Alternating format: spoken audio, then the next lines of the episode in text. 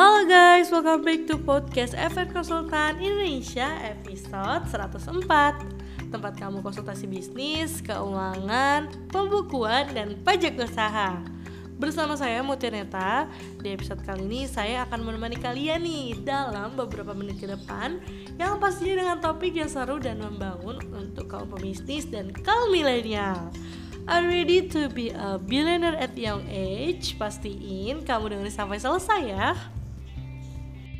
Di sini teman-teman sudah ada yang berkeluarga atau belum sih?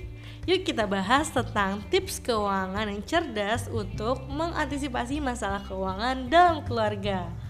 Nah, dalam sebuah keluarga, memang masalah keuangan keluarga bisa dijelaskan dalam banyak hal nih, seperti misalnya keuangan yang berhubungan dengan kebutuhan sehari-hari atau keuangan yang berhubungan dengan pos sosial, posisilan hutang, asuransi baik pendidikan dan kesehatan dan juga nggak kalah pentingnya dengan masalah investasi untuk masa depan hingga perencanaan untuk liburan.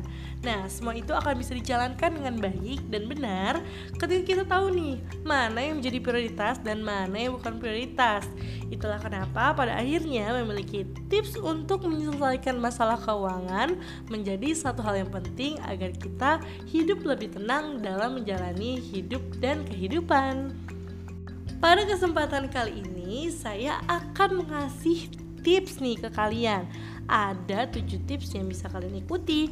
Pertama, coba sejak dini kalian mempersiapkan apa yang disebut dengan anggaran atau budget keluarga. Baik kita yang belum nikah ataupun sudah nikah ya. Jadi budget keuangan atau anggaran keuangan menjadi penting agar kalian bisa prepare soal keuangan. Lalu yang kedua, sejak dini biasakan diri untuk selalu menabung. Jangan melihat besar kecilnya tabungan, tapi lihatlah bahwa dengan membiasakan diri untuk menabung, kalian akan tahu nih arti penting konsisten dalam berbuat dan berusaha. Itu akan menguntungkan bagi diri sendiri dan waktunya tiba kelak nanti. Lalu yang ketiga coba diusahakan bagaimanapun caranya untuk kita menghindari dari yang namanya hutang berhutang. Dengan kita punya pemikiran seperti itu maka akan terbiasa untuk selalu mencari solusi dari masalah yang ada. Yang keempat, selalu dan berusaha untuk konsisten dalam hal mencatat keuangan. Nah, biarpun simple dan sederhana, yang penting dari sana kita tahu nih apa saja sih yang kita beli untuk pengeluaran, sehingga ke depannya nanti kita tahu dan kita harus tahu skala prioritas dan kondisi yang ada.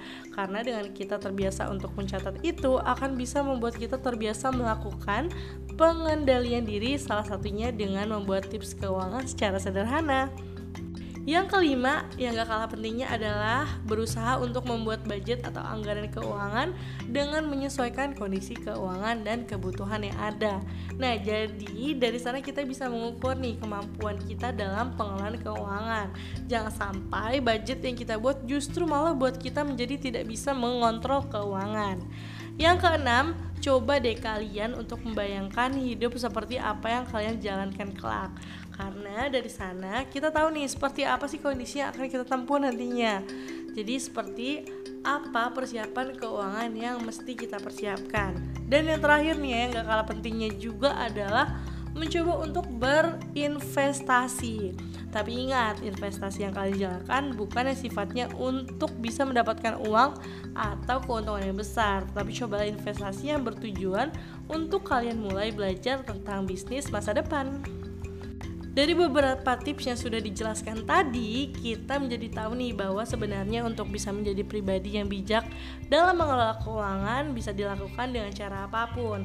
Misalnya dengan membuat sebuah perencanaan bisnis yang kita yakini akan bisa dijalankan. Di mana dari perencanaan tadi agar mudah dijalankan dapat kita rumuskan dalam bisnis. Sehingga kita mudah untuk menghafal bisnis dengan tipsnya agar bisa diingat secara mudah pada saat kita benar-benar menjalankan bisnis tersebut. Sehingga dengan membiasakan diri seperti itu kita tidak akan sulit untuk melakukan apa yang telah kita rencanakan karena pada dasarnya mulai sesuatu yang baik sejak dini itu lebih baik dibandingkan kita melakukannya setelah kita dewasa nah sudah pada ujung episode kali ini. Semoga yang tadi kita jelaskan bisa termotivasi untuk teman-teman yang belum nikah ataupun sudah nikah. Jadi betapa pentingnya ya untuk melakukan pencatatan keuangan untuk diri sendiri. Jadi nggak hanya bisnis aja yang apa-apanya harus dicatat pembukuannya, tetapi dari diri kita sendiri juga harus mulai dicatat ya agar tidak boros. Nah, Gimana pembahasan kali ini? Menarik gak sih? Kalau kalian ingin mendapatkan lebih banyak tips dan trik tentang bisnis, keuangan, pajak ataupun pembukuan, kalian pantau terus ya FR Konsultan Indonesia dan tunggu updateannya di Instagram @frkonsultanindonesia. Jangan lupa ya selalu play on podcast kita di Spotify for Podcast, Google Podcast dan lainnya.